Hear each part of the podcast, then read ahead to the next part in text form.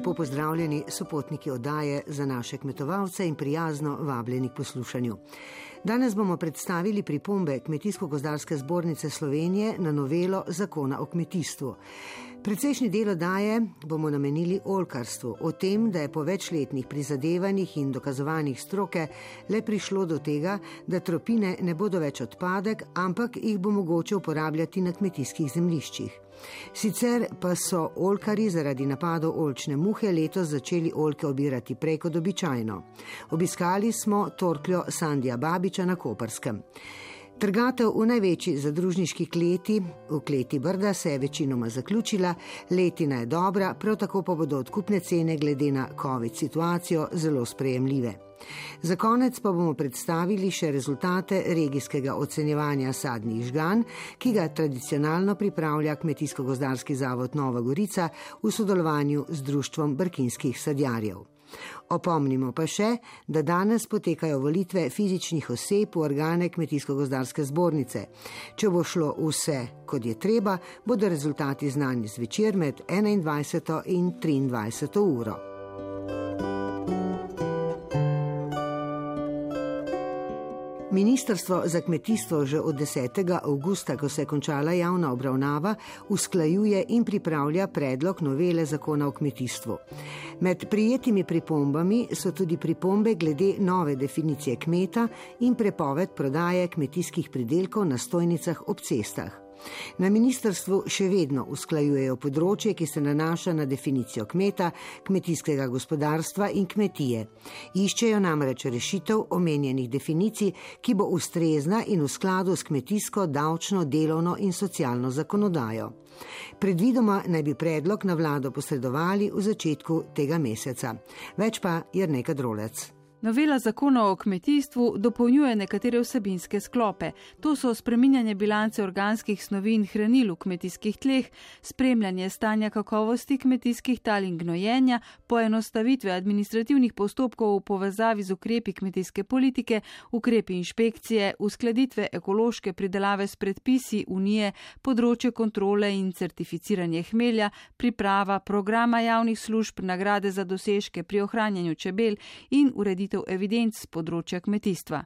Noveliranje zakona o kmetijstvu torej odpira vrsto področji, med pripombami pa je največkrat izpostavljena opredelitev statusa kmeta ter sprememba pri prodaji kmetijskih pridelkov. Največ pripomb na zakon, ko je bil v javni obravnavi, je v svojem odzivu podala Kmetijsko-gozdarska zbornica Slovenije. Prva se nanaša na definicijo kmetijskega gospodarstva, pravi Antonija Godic. Med pomembnejšimi pripombami sodijo pripombe na definicijo kmetijskega gospodarstva, v kateri kmetijsko-gozdarska zbornica predlaga, da se nov izraz, izraz kmet, ki se uvaja na mesto eh, kmetijskega gospodarstva, na mesto izraza kmetije, uporablja samo za fizične osebe in ne za vse statusne oblike na splošno. Uh, torej, tukaj je stališče zbornice usmerjeno v to, da je potrebno poskrbeti, da se kmetu kot fizični osebi ne spremeni položaj na davčnem oziroma socialnem področju zaradi te spremembe zakona.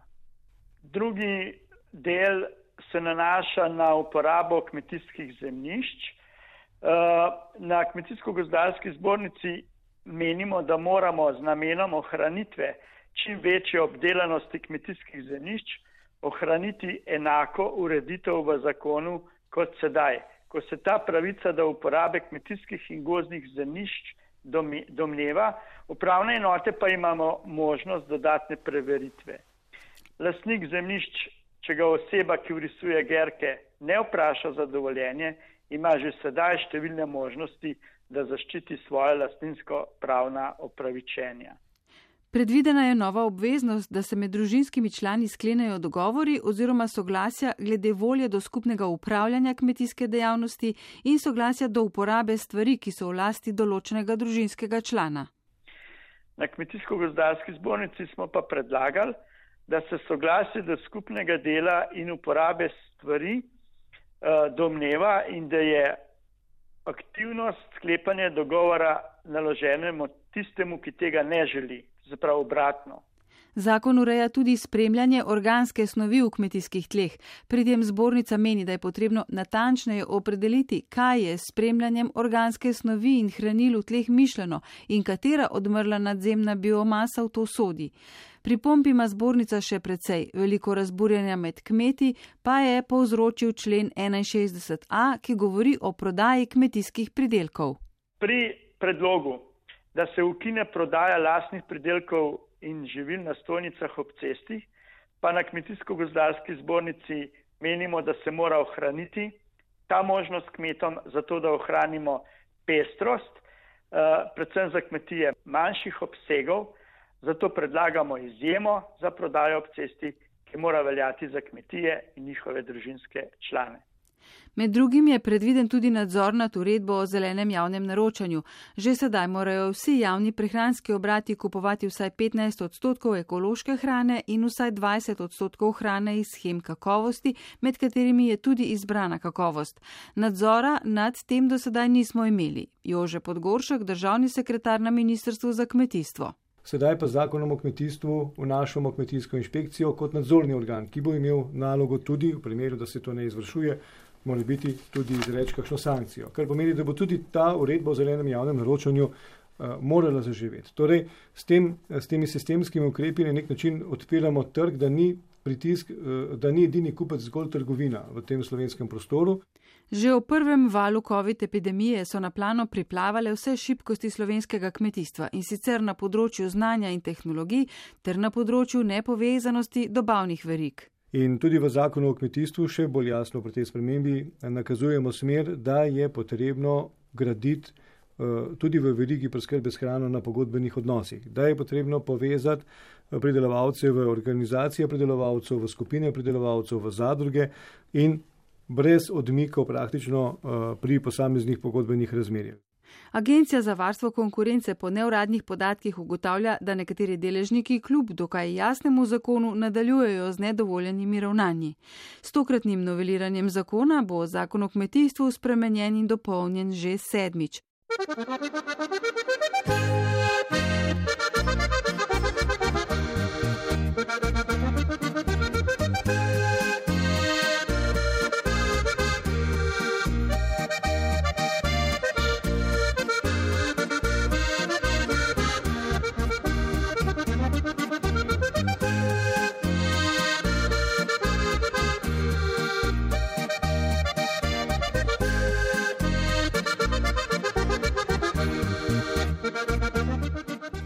Nadaljujemo z olkarstvom. Oljarne že delajo. Pri tem nastajajo tropine, ki so po naši zakonodaji odpadek, a obeta se sprememba. Ministrstvi za kmetijstvo in okolje sta po večletnih prizadevanjih in dokazovanjih stroke le uskladili spremembo v zakonu o kmetijstvu, da bi lahko ostanke kmetijske pridelave in predelave uporabili na kmetijskih zemljiščih. Torklarje pa skrbi, ker novost ne bo veljala v letošnji sezoni. Tjaša Škamperle. Več posvetov inštituta za olkarstvo, dopisov stroke, primerjav s sosednjimi državami in pobud je le zaleglo.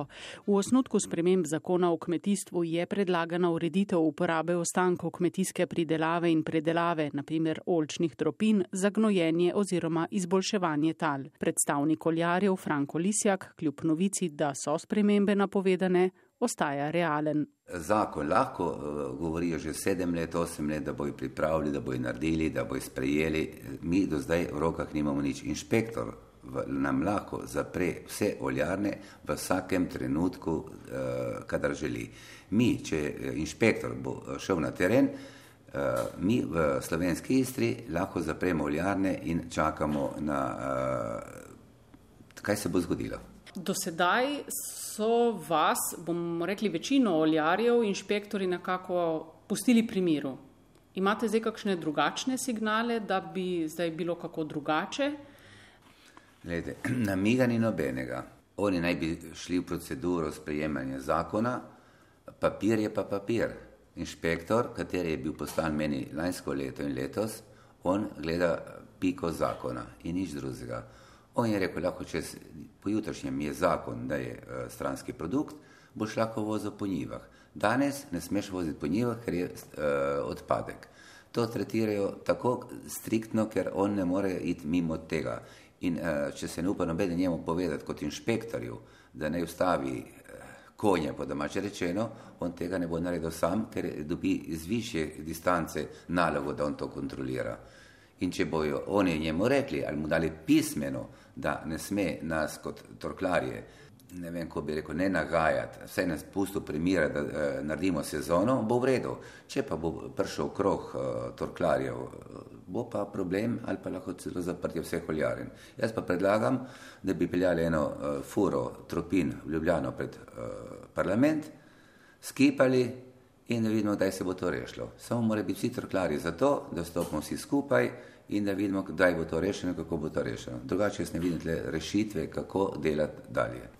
No, vi ste ne na zadnje že večkrat prav najvišjim predstavnikom kmetijskega in okoljskega ministrstva, ker ta problematika zadeva oboje, jasno in glasno in zelo odkrito povedali, da boste s tropinami počeli to, kar počnete že vrsto let, torej da jih boste odlagali tudi po nivah. Vas je to zdaj tik pred finišem tega, da se res zakonsko to uredi, mogoče celo ta odkritost kaznovala? Ste zato dobili inšpekcije lani? Jaz sem rekel, da sem vozil po njivah tropine in bom vozil. Ker če delajo vse države v Mediteranu, kot je Italija, Španija, Francija, Portugalska, Grčija, Hrvaška, vsi lahko odlagajo, edino Slovenija je izjema v tem. Če bi imeli drugi prepoved in bi rekli, da to je en problem, bi rekel, je problem. Samo če imajo vsi dovoljeno, vsi urejeno to, meni se to smešno, da samo Slovenija tega ne spreme in uredi za nas, ker smo nek, tudi nekaj pomembni v Sloveniji. Okoljska inšpekcija je v zadnjih šestih letih glede odlaganja olčnih tropin uvedla in zaključila tri inšpekcijske postopke. Do uveljavitve sprememb, torej tudi v letošnji sezoni, veljajo sedanja pravila. Oljarji, ki se v teh dneh pripravljajo na odprtje torkel, pa apelirajo na zdravo pamet državnih uradnikov in inšpekcije. Če je sprememba tik pred sprejetjem, pustite nam delati tudi v tej sezoni.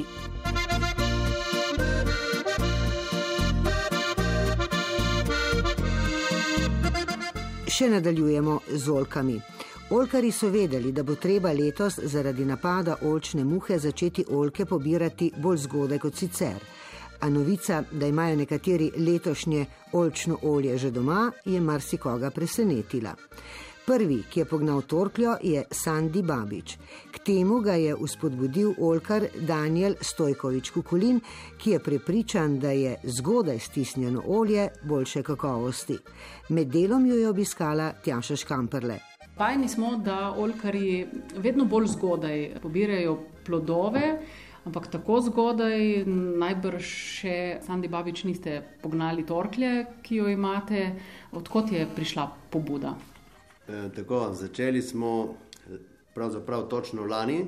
Smo pobrali 25. septembra že prve plodove. Letos se je zgodba nadaljevala in sva skupaj z Danielom Stojkovičem razvijala celoletni načrt, kako bomo pobrali mogoče še en teden prej in da bi dobili še več polifenolov, ker tekmuje na enem grškem tekmovanju. Lani je dobil Double Gold in je bil zelo srečen in vesel, ker je bil top 10 na svetu z visoko polifenolnimi olji. To je tudi za me izziv. Sodelujemo z, z RSE-jem, Inštitut za olkarstvo. Tam nam dajo parametre, mogoče kako, kaj, zakaj, kdaj, in uh, smo prišli do nekih lepih zaključkov. Daniel Stojkovič Kukulin, kot sem razumela, ste vi krivi da mora Sandi dopoldan eh, obirati grozdje in popoldan še delati v torkli.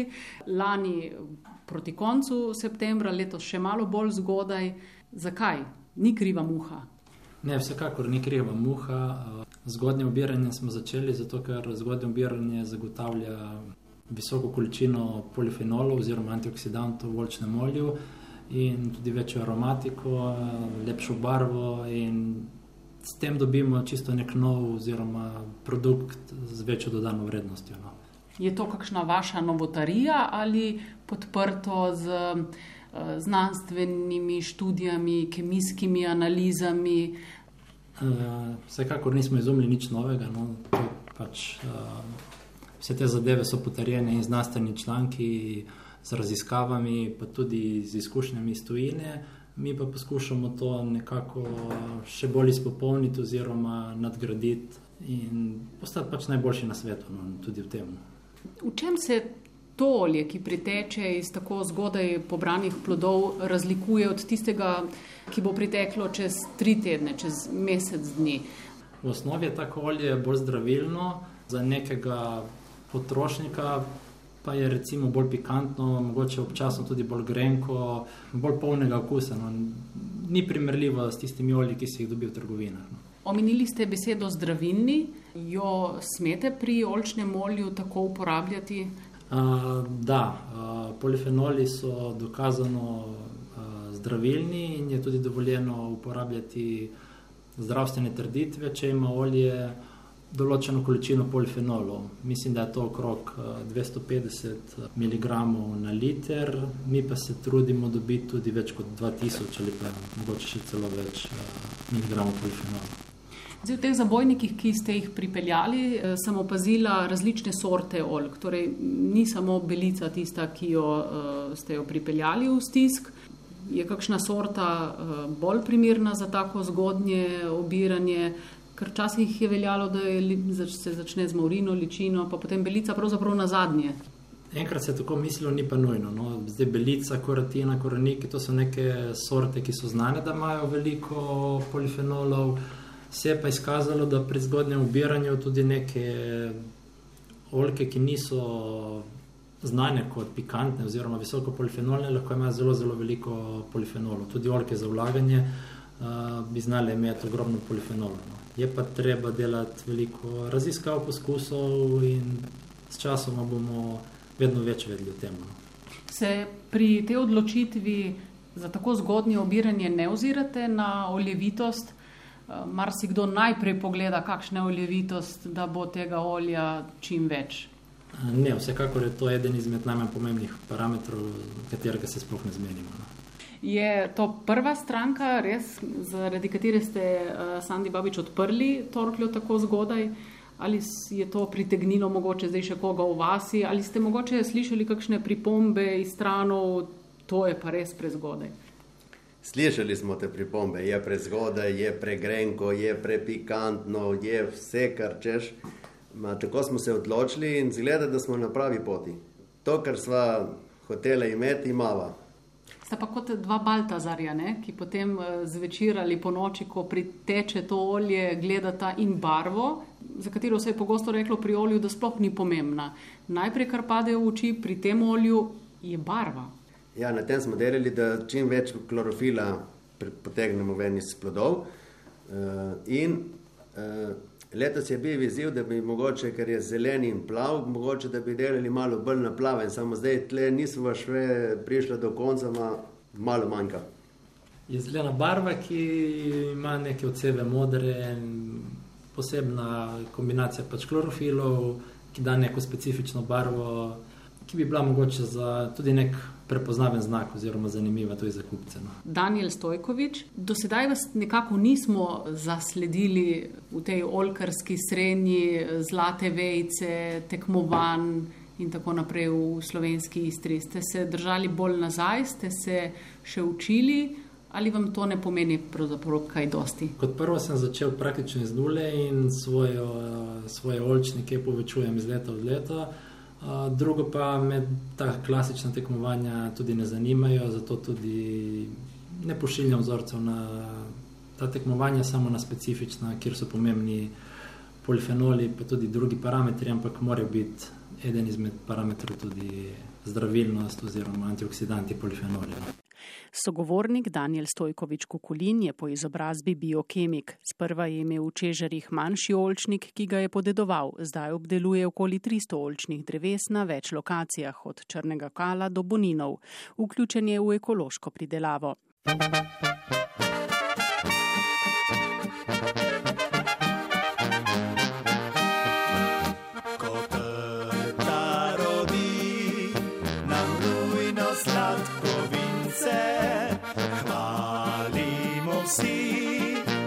Se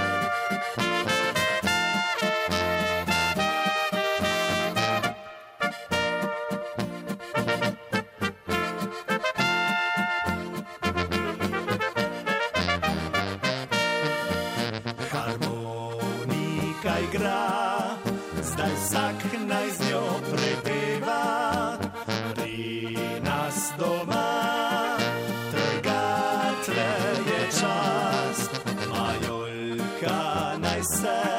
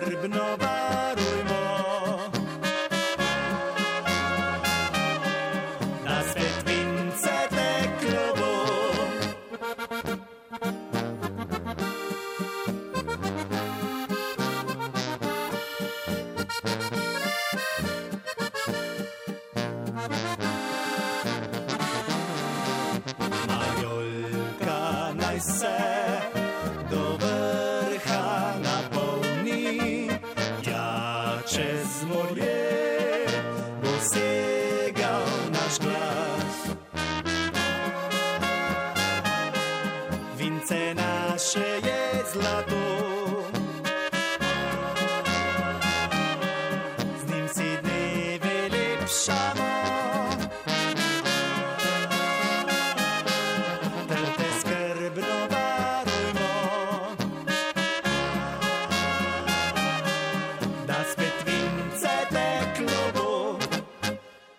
Največja slovenska zadružna klet, ki združuje več kot 400 vinogradnikov, klet Brda, ima večino letošnje letine že pod streho. Ob koncu naj bi prevzeli približno 7200 ton grozdja, kar je nekaj manj od lanskih rekordnih količin. Letošnji letnik je tako nekako normalen po količinah, kakovostno pa zelo dober, ugotavlja glavni enolog Darinko Ribolica. Torej, letošnja letina, če jo primerjamo z letnikom 2020 skozi COVID, je odlična.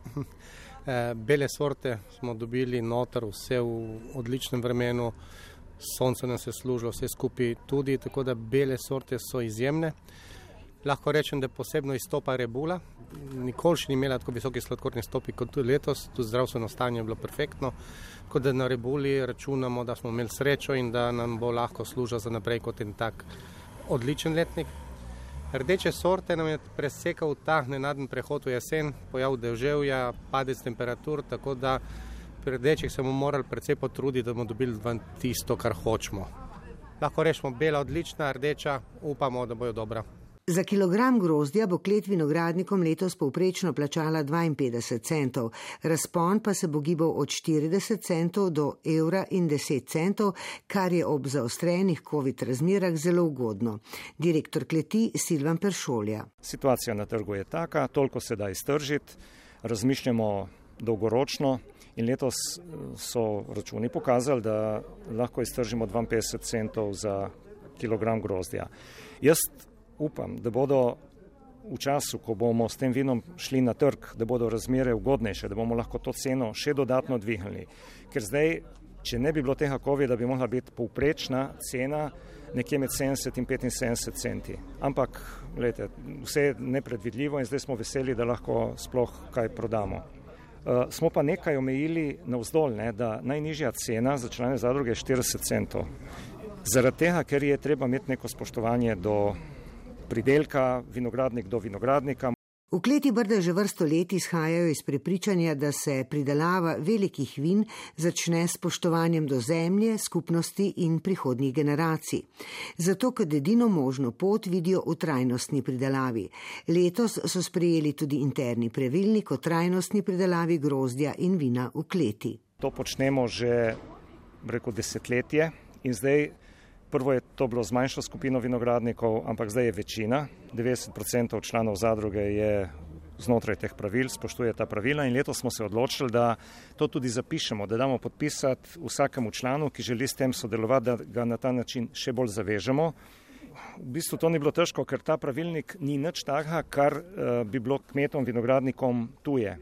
Notr je vsa tradicija, ki jo imamo doslej, seveda nadzorovana in vključena z vsemi strokovnimi predpostavkami, ki jih želimo spoštovati. Predvsem je cilj tega, izhajamo iz tega, da vinograd ga ohranimo vsej v enaki kondiciji, kot smo ga podedovali za namcem.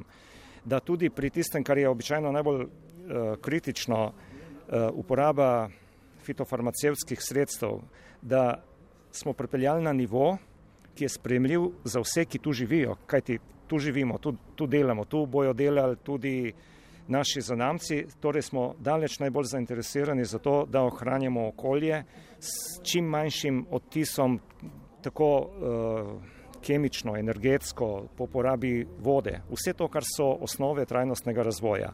Kar pa seveda vključuje tudi to, da tisti, ki se odloči delati vinograd, mora imeti tudi neko ekonomsko sigurnost. Trajnost pomeni, da je v tej dejavnosti se vsak počuti varno in dolgoročno. Vse to pa mora seveda prepoznati tudi kupec, pravi profesor katedre za sadjarstvo in vrtnarstvo Biotehničke fakultete Univerze v Ljubljani, dr. Denis Rusjan. Želimo si, da ta pristop ga prepoznajo tudi kupci. Saj kupec je tisti, ki v bistvu bi moral razumeti, da v steklenici vina ni samo tista tekočina, mešanica, ampak je delo vinogradnika, delo vinarja in tudi vsaka steklenica na koncu je le nek odtis nekega okolja in v bistvu tudi strošek narave, če lahko temu tako rečem. Prav zaradi trajnostne usmeritve kleti in tudi zaradi negotovosti na trgu se v zadrugo oziroma v klet vse bolj vračajo vinogradniki, ki so se pred leti odločali za samostojno pot.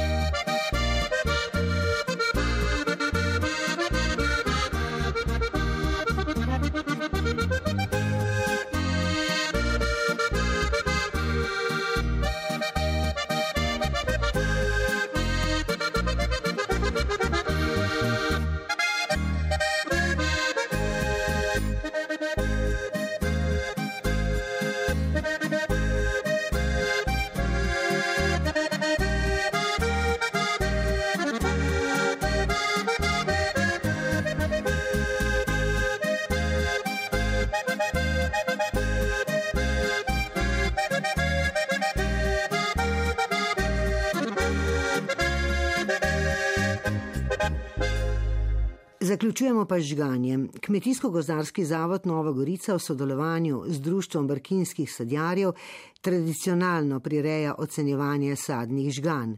Letos so ocenili 25 vzorcev, večina je bila odlične kakovosti. Mi smo o rezultatih poprašali predsednico komisije Mileno Štolfa. Je 25 vzorcev veliko ali malo? V letošnjem letu je to malo, ponavadi jih je bilo tudi do 50 ali pa še več vendar mislimo, da je to zaradi takih razmer, kot pač so.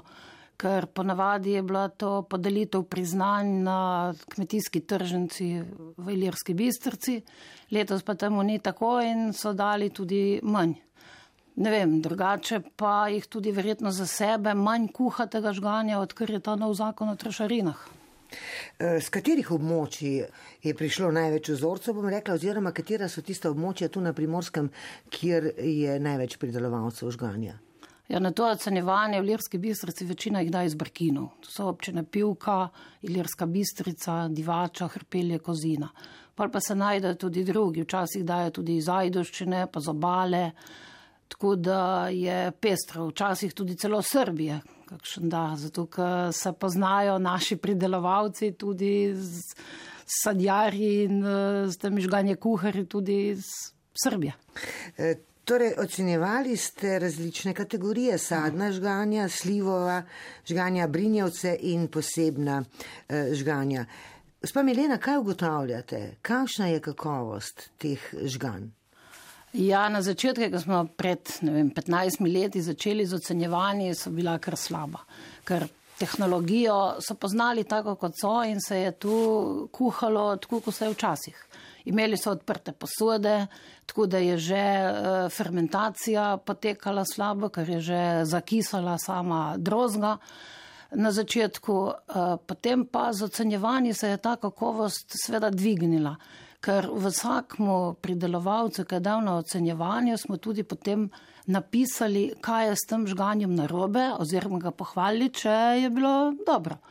In potem uh, se je ta kakovost dvignila, kamor si kdo je to upošteval, te napotke, ki smo jim dajali. In seveda namen teh ocenjevanja je tudi dvig kakovosti. Da če že nekaj spijemo, da spijemo dobro, tudi če skuhamo sam zase. E, letošnje vzorce 25 ste jih e, ocenili, pravite, da so bili odlične kakovosti, podelili ste kar 14 zlatih, če se ne motim, 9 srebrnih in 2 bronasti. Priznani, kaj pa vse ocenjujete? Kaj je pomembno eh, pri žganju? Ja, ocenjujemo po pravilniku, kot je na dobrotah slovenskih kmetij na Ptuju, tako da se potem lahko tudi ti pridelovalci primerjajo. In tu ocenjujem po 20-točkovnem sistemu in sicer ocenjujemo čistost oziroma vonj, cvetico, okus in pa harmoničnost, vsako ima po pet točk.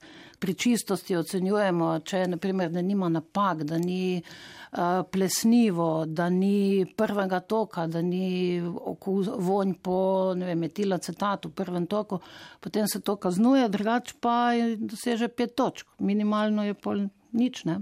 Pa na pet točk, mi ocenjujemo na pol točke. Uh, potem cvetica, seveda tu je pomembno pri tem, kako je deklarirano samo žganje. Če je jabolčno, mora vonj biti po jabolku. Ne? Če je viljamovka, ne bo viljamovka. Tako da se ocenjuje tle glede na deklaracijo.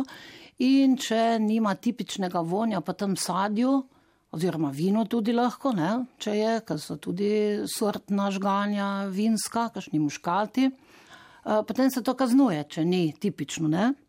Okus, seveda okus je, če nam je všeč ali pa ni če je tipičen okus, če ima kakšne priokuse, če je zažgan, če je kislo, tu se tudi pol odbije točke.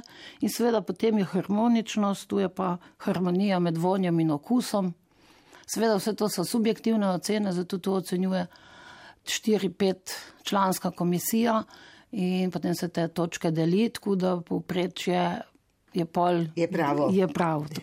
ja. uh, Gospod Milena, Katera žganja nekako so na našem območju doživela največjo uspon uh, in so med najbolj kakovostnimi? Vemo, da nekatera so celo geografsko zaščitena.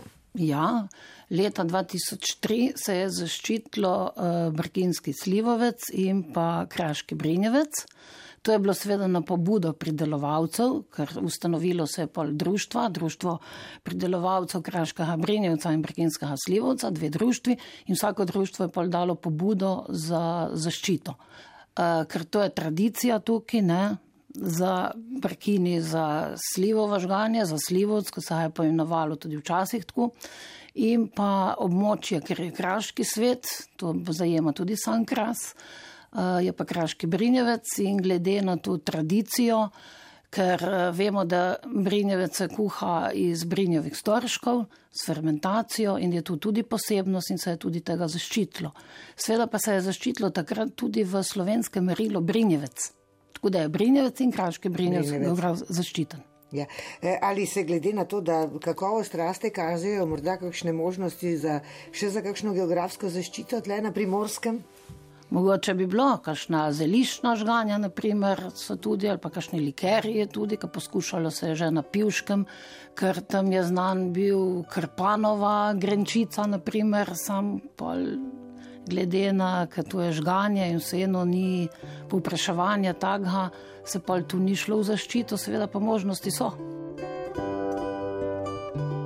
Za danes zaključujemo. Oddajo smo pripravile Jrnejka Drolec, Tjaša Škamperle in Ingrid Kašca Bucik, ki sem jo tudi uredila in vodila.